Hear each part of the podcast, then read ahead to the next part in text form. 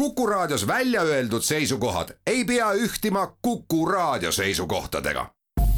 Te kuulate Kuku Raadiot.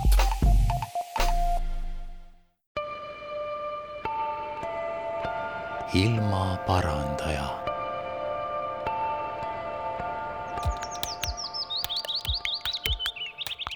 saadet toetab Keskkonnainvesteeringute Keskus.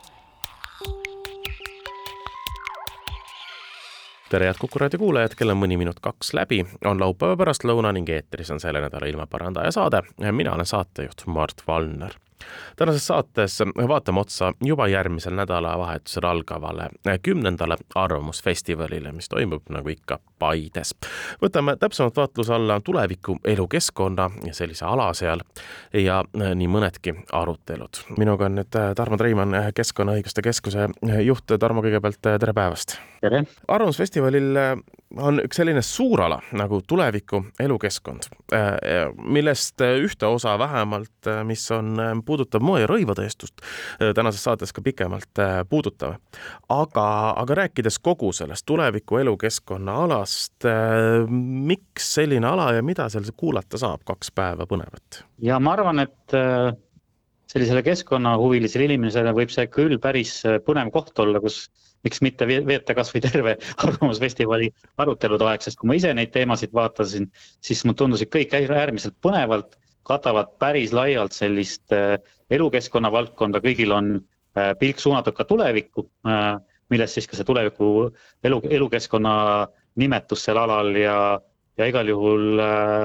mina soovitan sinna kohale tulla, et need, need teemad seal on noh, tõesti seinast seina, et on päris intrigeerivaid teemasid nagu näiteks pesitsusrahu kehtestamine või fosforiidi kaevandamise perspektiivid Eestis või või ka näiteks äh, rohepesu teemad ehk milliseid, äh, millised on siis tõsiseltvõetavad äh, väited ja millised mitte, aga räägitakse ka laiemalt see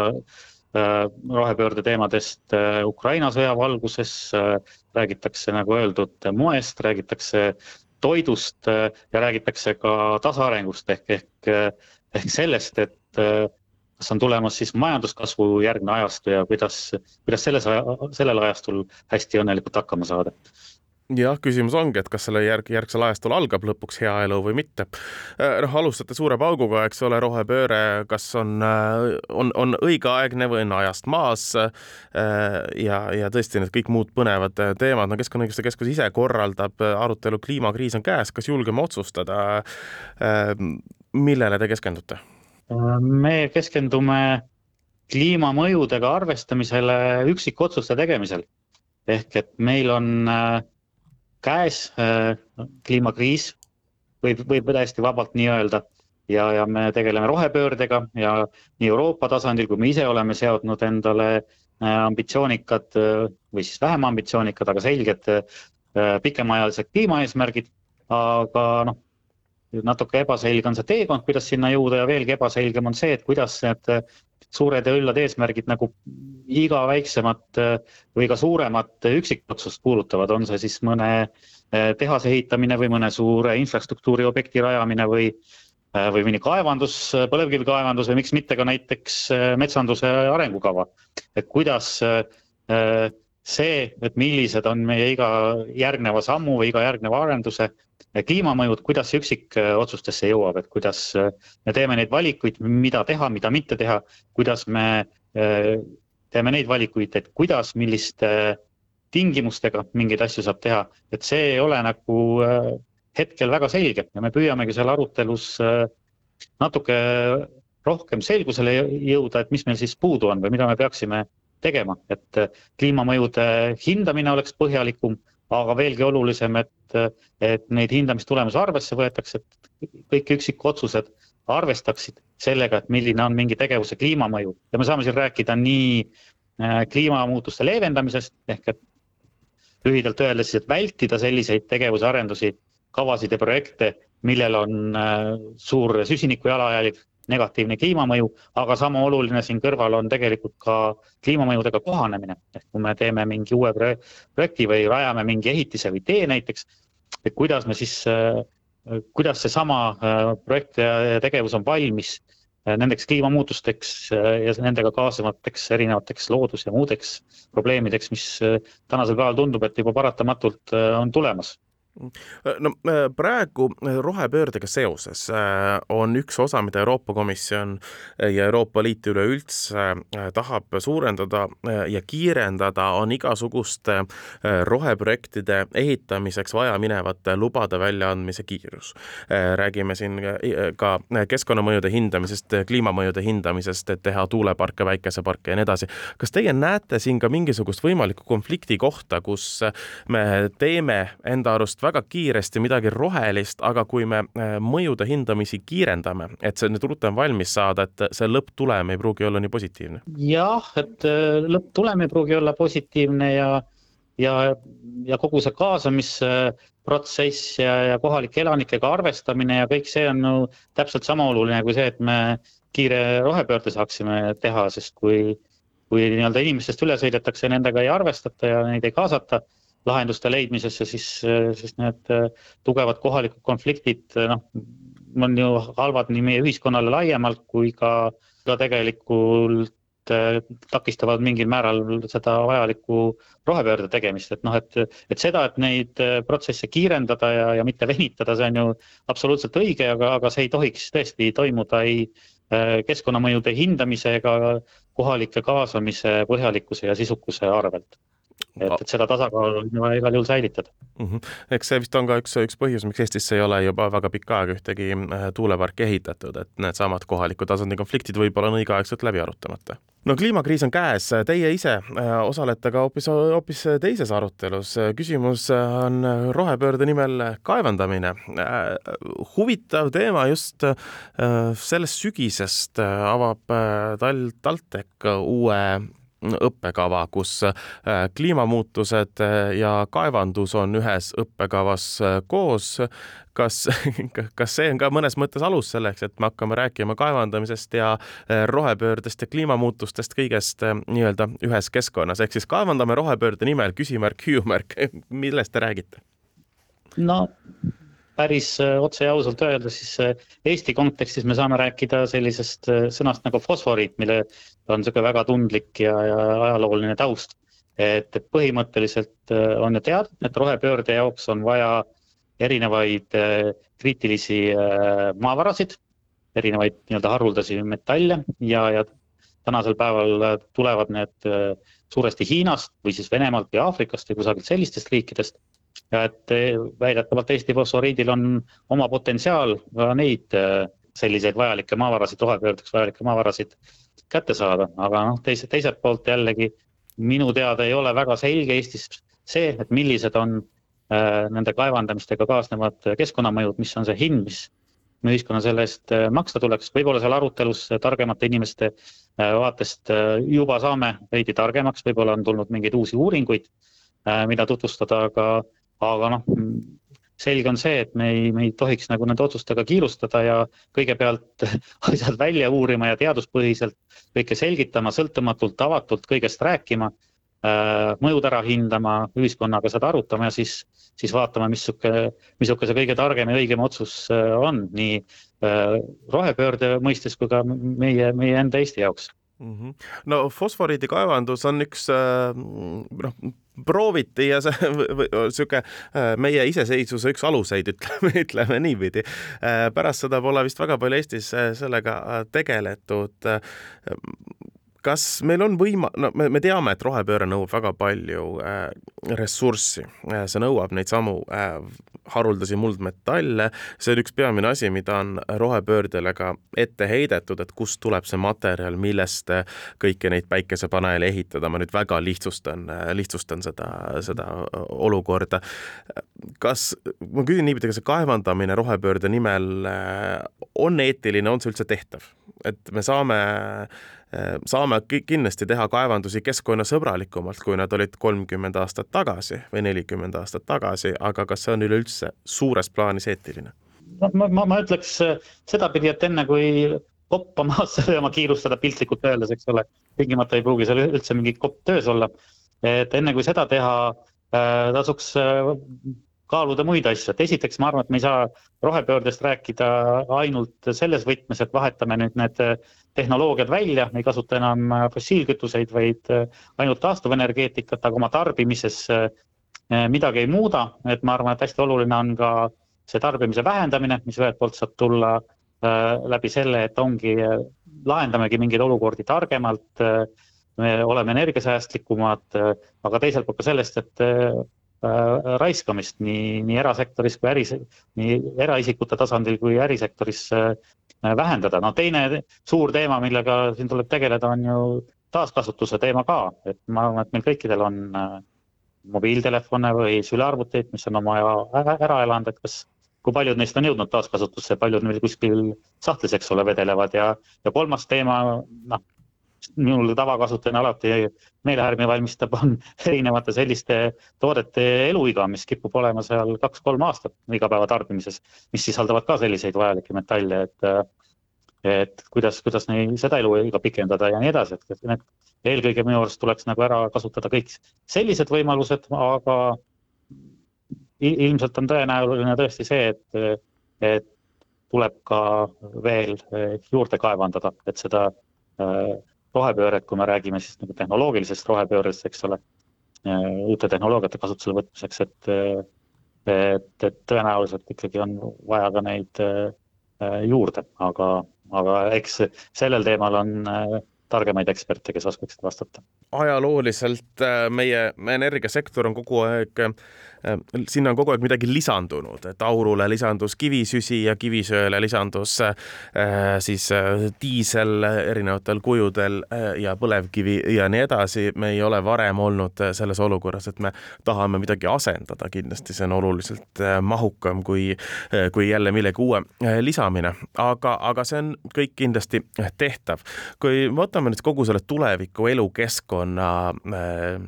nimetuse ja vaadates kõiki neid arutelusid siin kasvujärgsest aja, ajastust ja rohepöörde kaevandusest, tuleviku-linnast äh,, rohepöördest suuremalt ja nii edasi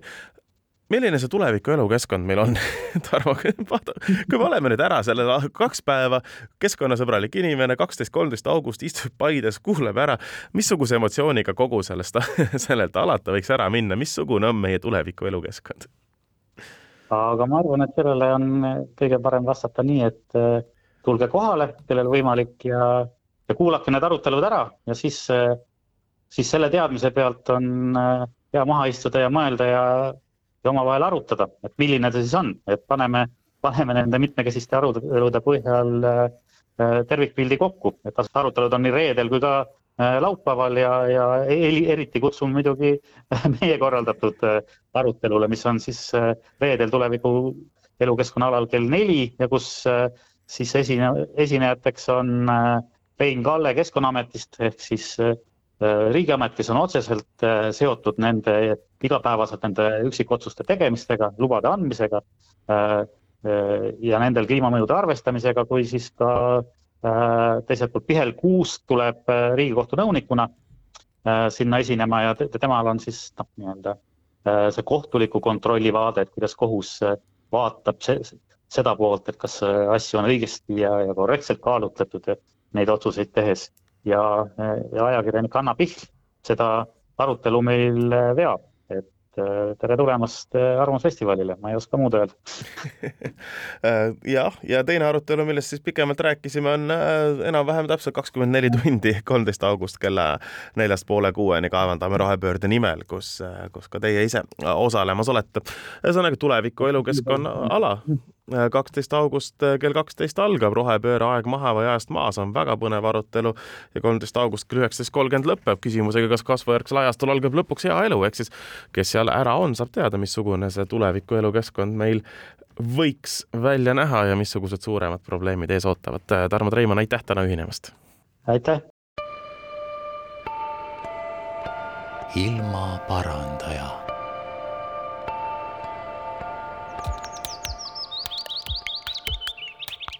saadet toetab Keskkonnainvesteeringute Keskus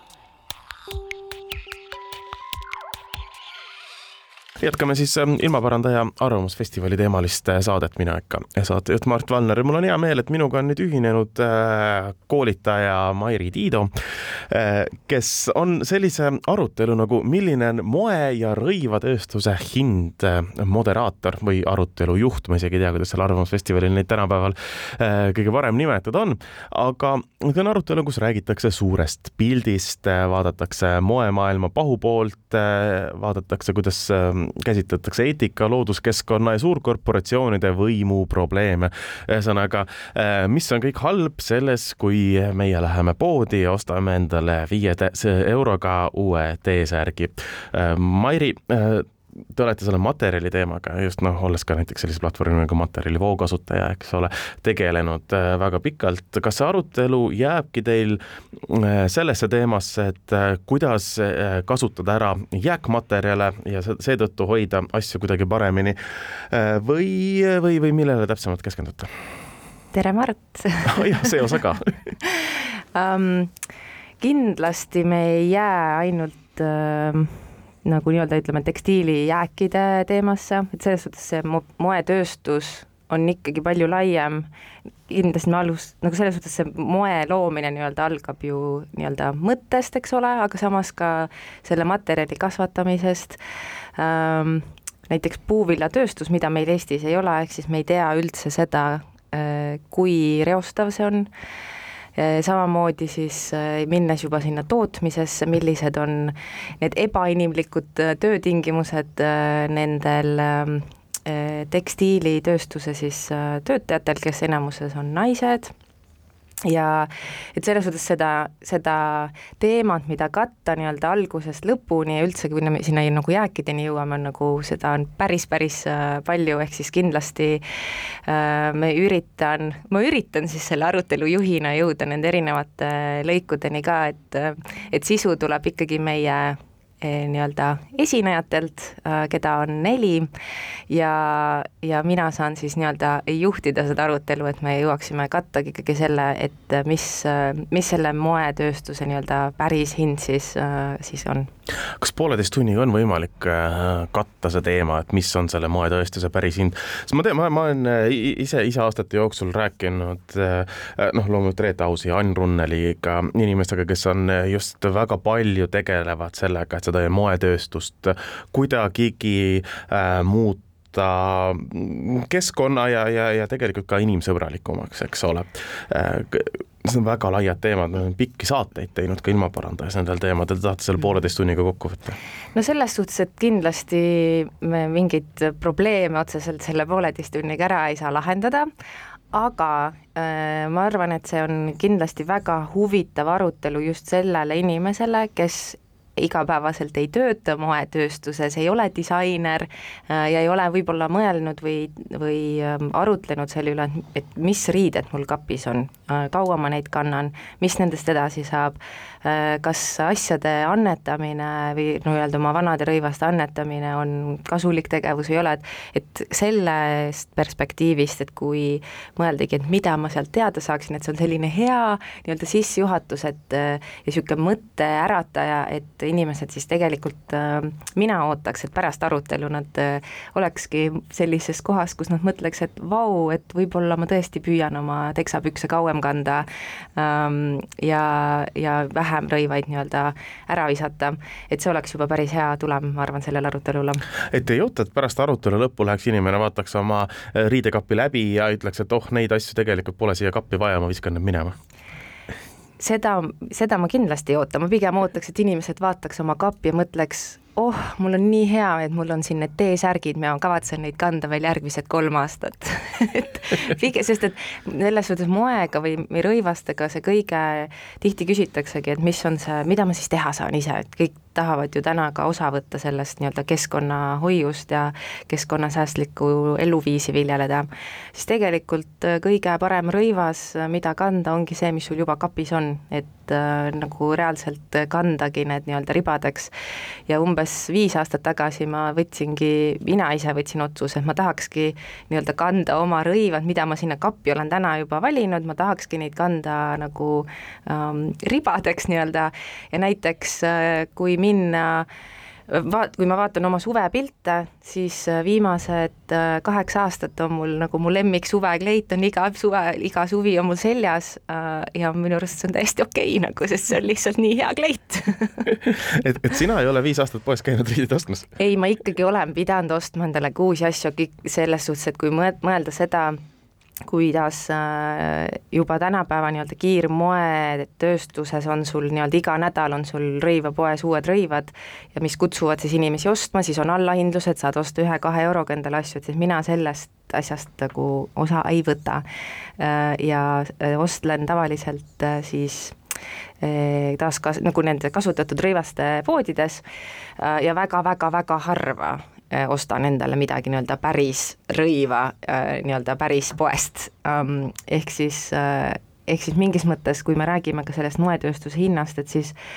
siis ongi see küsimus ka, et kas kaks eurot või viis eurot või kakskümmend eurot teksapükste eest on nagu õiglane hind, näiteks kui me võtame T-särgi, kus siis noh, näiteks võtamegi Reet Aus, kes müüb väga mitmekordse hinnaga võrreldes siis mingi odava T-särgiga,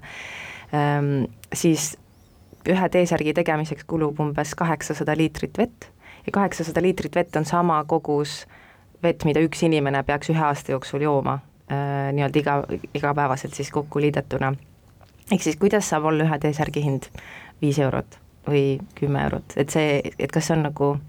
et see on nagu niisugune mõtteharjutus, et kuidas see saab olla, et see ei ole päris äh, õiglane. et kui sa paned sinna energiakulu, äh, materjalikulu äh, ja lisaks lisad sinna, eks ole, ka selle, et tegelikult peaks maksma töötajatele elamisväärset tasu ja, ja veel olukorra, kus materjalide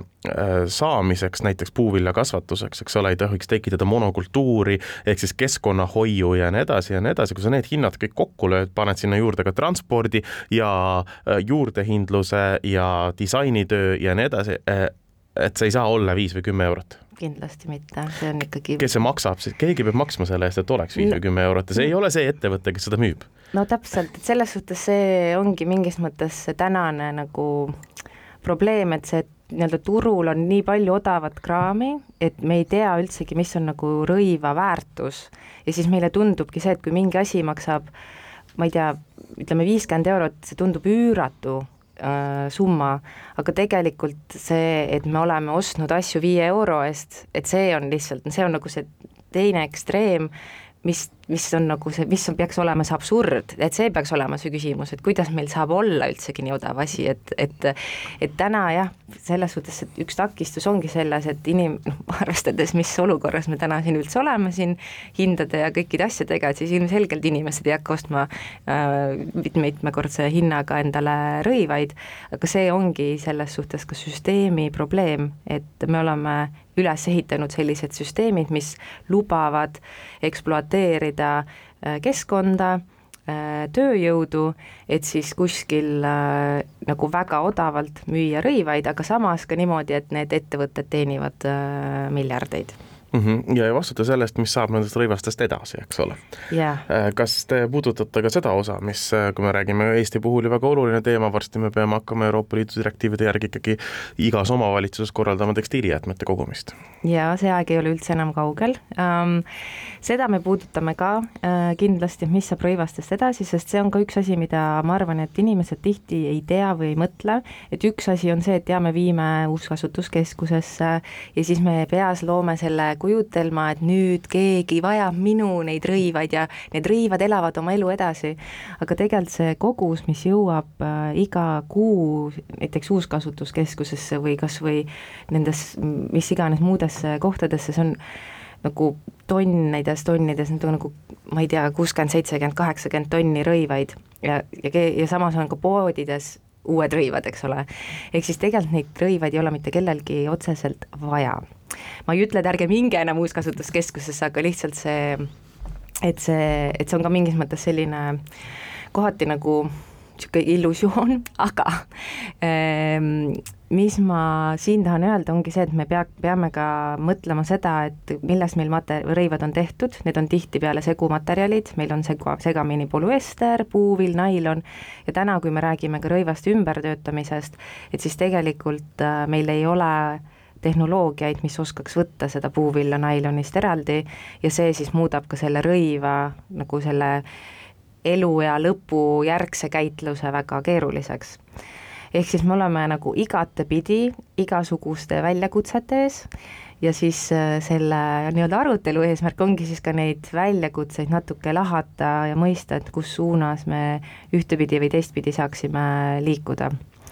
ehk siis ma ei taha öelda, et ärge minge enam Uuskasutuskeskusesse, aga jällegi, kõige parem rõivas on see, mis sul juba kapis on. ehk siis kas äh, rõivatööstus on üks kõige vähem ringmajanduslikumalt mõtlevaid tööstusi meil? maailmas? jah ma ei tea, kas ma nagu selle tiitli annaks, et ta kõige vähem on, aga samas äh, ma ütleks, et siin on nagu, nagu väga suured väljakutsed äh, ja just ongi just see, mis saab rõivast edasi, sest et noh, üks asi on see, et sul on T-särk, kus on segu materjal, eks ole, aga teine asi on see, kui sul on seal trukid, lukud, needid mingid äh, litrid, mis iganes asjad, et siis jällegi, kuidas me, kuidas me saame nii-öelda suurtes mahtudes midagi purustada, kui sul on seal teksapükstel on äh, need nööbid ja ja muud lukk ja muud niisugused asjad, et, et noh, kas küsimus ongi, et kas me hakkame neid käsitsi sealt välja lõikama, et kuidas me saame selle nii-öelda materjali sealt kätte. et ähm, siin on igatepidi, on nagu üks väljakutse ajab teist taga täiesti, täiesti arusaadav. no Mairi, kui me nüüd äh, sellest moe- ja rõivatööstusest läheme natukene keskkonnateemadele laiemalt, olete ise Arvamusfestivaliga olnud väga pikalt seotud, olete selle alasid korraldanud. Äh, see aasta, ma vaatan, on ligi kolmkümmend keskkonnateemalist arutelu Arvamusfestivalil. Äh, kas aastatega vaadates tundub, et see ongi normaalne, et me neid kuidagi mulle isiklikult tundub, me liigume sinna keskkonnateemade arutelu poole aina rohkem ja rohkem, kas, kas mu see tunne on õige? ma arvan, et tõesti küll, et kui nüüd teen, teeksime statistikat siin viimase kolme-nelja aasta peale, et palju seal keskkonna arutelusid on, siis tõesti, see on kasvavas äh, trendis äh,, mis on väga äge, mis tähendab ka seda, et see teema nagu üldiselt keskkond, kõik äh, kliimakriis äh,, kuumalained, veekriis, kõik sellised teemad siis nii-öelda saavad ka rohkem kõlapinda äh, ühiskonnas ja inim-, üha enam tekib inimestel ka huvi, ma loodan, siis ka nendel teemadel arutleda, sest et mingis mõttes me siin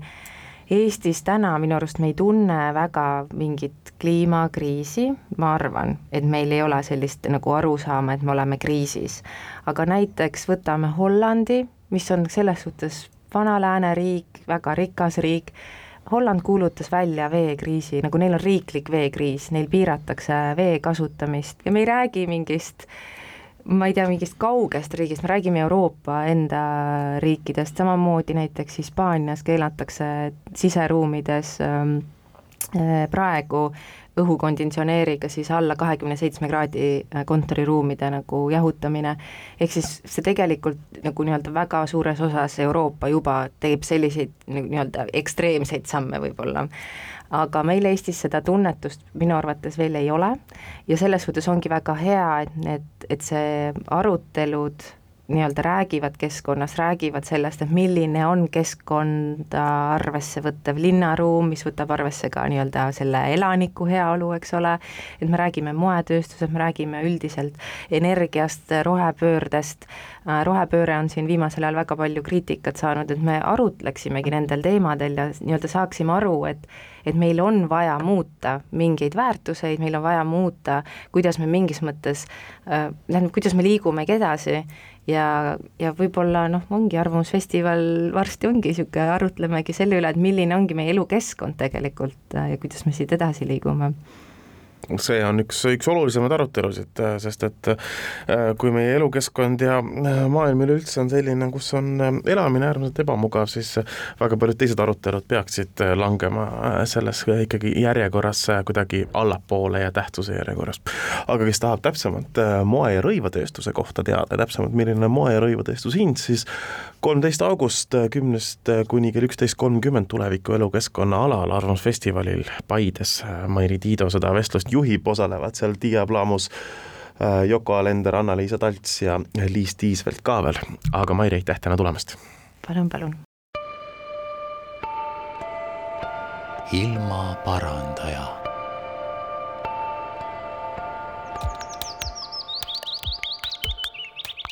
saadet toetab Keskkonnainvesteeringute Keskus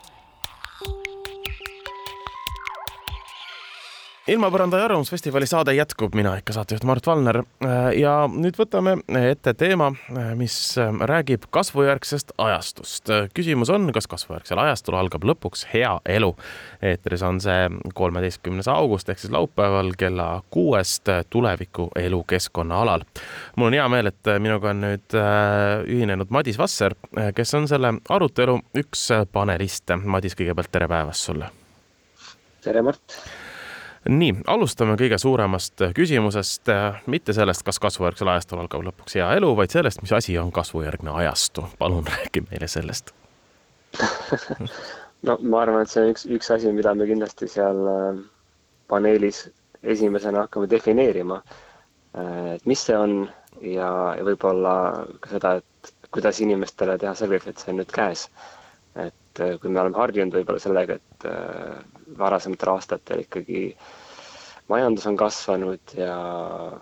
kõik on läinud justkui paremaks ja kõike on olnud rohkem kõik on olnud suurem, et siis paistab, et nüüd hakkab minema selle nagu vastandprotsess, et mingid asjad hakkavad kahanema, mingeid asju jääb vähemaks ja, ja kasv asendub millegi muuga. mis see muu on siis? No vot, see on hea küsimus tõenäoliselt äh, iga panelistil on natuke oma, oma nägemus, mis on, mina ilmselt ütlen, et äh,, et kasv asendub tasaarenguga. ja siis ma pean jällegi seletama, mis see tasaareng on. ühesõnaga, et seal on äh, palju niisugust defineerimist alguses mm. -hmm. aga ma võin nagu lühidalt kokku võtta, et äh,, et minu nägemus tasaarengust on siis niisugune äh, terviklik äh,, ma ei tea, alternatiivne äh, viis, kuidas me oma elu üldse peaks korraldama, et selles kasvujärgsuses äh, ikkagi meie ühiskond täielikult uppi ei läheks. et see kindlasti ei ole niisugune ähm, õilis majanduskriis, vaid äh, see oleks selline majandus ja ühiskonnakorraldus, mis ei sõltuks kasvust, et kui on kasvujärgsus, siis äh, me oleme üle saanud ühest küljest sellest vajadusest, et asjad kõik peaks kasvama kogu aeg ja teisest küljest ka niisugune äh, võib-olla vaimne pool, et, et me ka ei ihaldaks väga seda äh, seda kasvu või see ei oleks enam oluline, sest meie süsteemid ei sõltu sellest nii, nii rängalt, kui nad seda täna teevad et kui me räägime praegusest kapitalistlikust korrast, äh, siis äh, see äh, ühiskond ja majandusühiskond eelkõige on, eks ole, üles ehitatud sellele, et see töötab nii kaua, kuni see kogu aeg kasvab. me räägime sellest, et ühel hetkel see lõpeb ära, saan ma õigesti aru? nojah, et ta on juba suurtes raskustes oma enda ülalpüsimisega, aga see sõna kapitalism on siin ohtlik sõna, et ma pigem ütleks, et niisugune kasvu kasvunarratiiv on see, mis on, on väga erinevate niisuguste mm, varjunditega olnud, et äh, tavaliselt on see, kui keegi ütleb kapitalism ja ütleb, et aga kapitalism hakkab lõppema, siis äh, Eesti inimeste peas on sageli see teine äärmus on, ah, et siis asemele tuleb kommunism. aga kui kommunism on ka kasvu äh, taotlustega, siis me jõuame samasse kohta välja. et äh,, et kasv ja mittekasv ja, ja kahanemine on võib-olla need märksõnad, mis mis seal kindlasti õhus, õhus lendavad sellel arutelul. ja just see, et Ja. et kas me oleme sinna nüüd jõudnud ja, ja kuidas me sellega nüüd hakkama saame. aga kas ma tahtsingi jõuda sinna, kas me oleme sinna jõudnud selles osas, et kui me vaatame tohutut hinnatõusu, äh, siis äh, energia hinna tõusuga, kütuse hinna tõusuga ei ole vähenenud näiteks kütuse tankimine. inimesed suvel sõidavad Eestis väga hea meelega ringi rohkem kui eelmistel aastatel ja lihtsalt kiruvad seda, kui kallis see on. kui me vaatame maailma üldist tarbimist, siis selle aasta ületarbimise päev oli kaks päeva varem kui eelmine aasta juba mõni aeg tagasi, ehk siis praeguse seisuga jälle elame nii-öelda järgmistest aastatest sest äh, võlgu tarbime rohkem, kui äh, maailma taastuvressursid äh, taastuda suudavad, eks ole. kas me saame öelda, et meil on üleüldse mingisugune kasvujärgne ajastu kuskil terendamas? samas me täna oleme ka niisuguse kriiside keskel, et on üks kriis, mis ajab teist taga ja praegu on nagu lihtne öelda, et see on sellest kriisist tingitud äh, mingi ajutine langus või et oli selline koroonakriis ja oli see äh, Venemaa agressioon Ukrainas või veel midagi kolmandat, Äh, aga noh, need kõik äh, kuidagi võimendavad teineteist ja selle kõige taustal on veel meil ökoloogiline kliimakriis. prognoosid on sageli sellised, et ikkagi kasv, ikka need protsendid ikka lähevad ülespoole, aga see võib olla niisugune väga näiline, et kui me vaatame reaalmajandust, siis ta kas on paigal või hakkab juba nagu ikkagi langema. ja küsimus ongi selles, et, et mida me selle nagu fakti ees olles teeme, et kas me otsustame, et me muudame oma süsteeme kasvust sõltumatumaks või pursime edasi või, või üritame iga hinna eest seda, seda kasvu saavutada, mis sageli viib äh, niisuguste kasindusmeetmetele, et et äh, kulutame vähe selleks, et panna kasv uuesti tööle, et see on see, mida äh, tasaareng kindlasti näiteks ei soovita teha, et, et panna seda kasvu keskmesse, mis viibki teise küsimuseni selles paneelis äh,, nagu nimigi ütleb, et kas hakkab hea elu, et mis see hea elu on ja kuidas seda defineerida, et kas seda defineerida läbi äh, materiaalsete asjade, mida peab järjest rohkem olema, või defineerida seda kuidagi mm, inimsuhete ja, ja sidusa ühiskonna ja taoliste asjade läbi mm. -hmm. no samas, kui me võtame eelmise suure kriisi, kus meil ka langes, räägime aastast kaks tuhat kaheksa umbes, eh, siis eh, sellest eh, tuli meie majandus tohutult suurema kasvuga ikkagi ju välja et niisugune üks loomulik majandustsükkel ja ma ei ütleks, et me tohutult oma mõttemaailma oleme muutnud peale eelmist majanduskriisi või eelmise majanduskriisi tõttu. ja, ja see on õige point ja seda ka äh, näiteks tasaarengu akadeemikud, kes seda teemat on uurinud, on ka olnud ise kurvad, sellepärast et eelmine laine jäi nagu kasutamata või et, et tolleks hetkeks ei olnud need nagu alternatiivsed visioonid nii selged, kui nad on tänaseks. ja, ja arvutused ei olnud tehtud, nüüd nad on tehtud, aga see on jälle see kolmas punkt selles kogu paneelis, ma arvan, mida korraldajad on mõelnud, et, et kas see hea elu, mis iganes me seda siis defineerime, et kas see lõpuks algab või ta ei alga või minu kindlasti väide on seal, et, et seda tuleb nagu ise alustada, et see nagu automaatselt ei alga, et, et ma arvan, et see ah, vaike valik ühiskonnal ikkagi minna tagasi sinna olemasolevasse süsteemi, proovida seda ikkagi veel putitada, aga, aga mina kavatsen seal vaielda tulihingeliselt sellel teemal, et, et no nüüd on aeg teha radikaalne muutus mm. -hmm. et igasugune kriis, olgu see majandus, olgu see tervishoiu ja nii edasi, äh, on äh, see koht, kus on võimalik midagi äh, muuta, saan ma aru. et me see, see, et kriise tuleb vaadata võimalusena teha asju paremaks. just, et, et võib-olla rohkem inimesi näeb, et, et olemasolev süsteem ei ole väga jätkusuutlik või vastupidav, kui tekib, tekib mingi tõrge, mingi tarneraskus või, või mingi turutõrge, nagu tänapäeval öeldakse, et, et kas me oleme valmis seda süsteemi muutma, kas meil on see võimalik või, või kes üldse peaks seda muutust alustama, ma arvan, et need on kõik küsimused, mis, äh, mis kerkivad meil ülesse no aga ma vaatan, teil on, äh, kui me räägime panelistid äh, läbi, seal on Züleyxa Izmailova, noh, Madis Vasser, äh, Kaimai Kuldkepp ja Mikk Vainik. Teil ei ole seal ühtegi koalitsioonipoliitikut või, või, või suurt majandusteadlast või ärijuhti, kes, kes peaks, kes peaks olema praegu see, kes, kes ütleb, et jah, meie kasvujärgne ajastu on selline ja selline, meie plaanid on praegu sellised ja sellised ja noh, mina neid eh, kaaspaneliste ei valinud, aga mul on hea meel, et selline valik on tehtud, sest et äh, mulle tundub, et on ammu aeg möödas, et me vaidleksime selle üle, et kas see nagu lõputu majanduskasv on hea või mitte. et see on, peaks olema üheselt selge, et see on meid viinud tänaste mitmete kriiside keskele, et me peame sellest edasi liikuma, aga nüüd ongi huvitav, minul vähemalt on selles paneelis loodetavasti huvitav, et küsida, et kuidas me sellest edasi liigume. ja seal on väga erinevaid äh, aspekte siis, et ma arvan, et teised panelistid katavad väga hästi seda, et mis on üldse poliitiliselt võimalik või, või tehtav, äh, mis on nagu erasektori vaade sellele asjale, kuidas seda teha kõike õiglaselt ka veel, et see ei ole niisugune, et sellest kukuks välja mingisugune äh, ökofašism. et äh, see ei tahaks olla asi, mis on, kuidas ma ütlen, mingisuguse kolmanda sektori aktivistide soovunelm, vaid me räägime reaalsest ühiskonnakorraldusest ikkagi. jah, jah, ja võib-olla nagu need inimesed, kes täna on, on nende poliitiliste kangide juures, et nemad ei olegi need, kes neid selliseid muutusi teeks, et nemad ei ole selleks sinna läinud ja, ja see ei ole nende,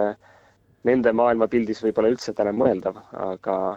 eks kuskilt altpoolt peab see surve hakkama siis tulema, et, et me sinnapoole jõuaksime mm. -hmm. no Madis, elu kasvujärgses maailmas saab olema vähem tõtlik, väärtustepõhisem ja mõtestatum, millest suureneb nii inimeste kui ka eluslooduse heaolu, on teil arutelus äh, kirjas. Äh,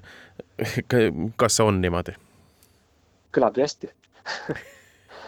ma arvan, et see on, ma arvan, et see on üks asi ka, kuhu me jõuame, see on noh, tohutult lühikene aeg, see poolteist tundi seal, aga, aga võib-olla see ongi see laiem küsimus, et aga mis on meie ühiskonna eesmärk üldse, et, et äh, lihtsalt kasv või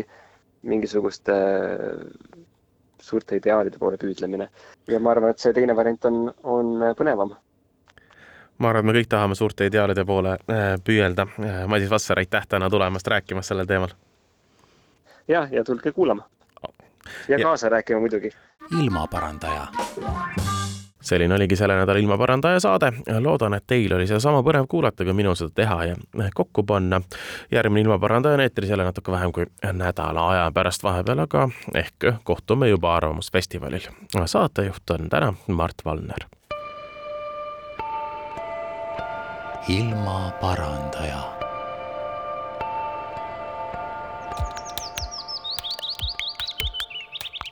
saadet toetab Keskkonnainvesteeringute Keskus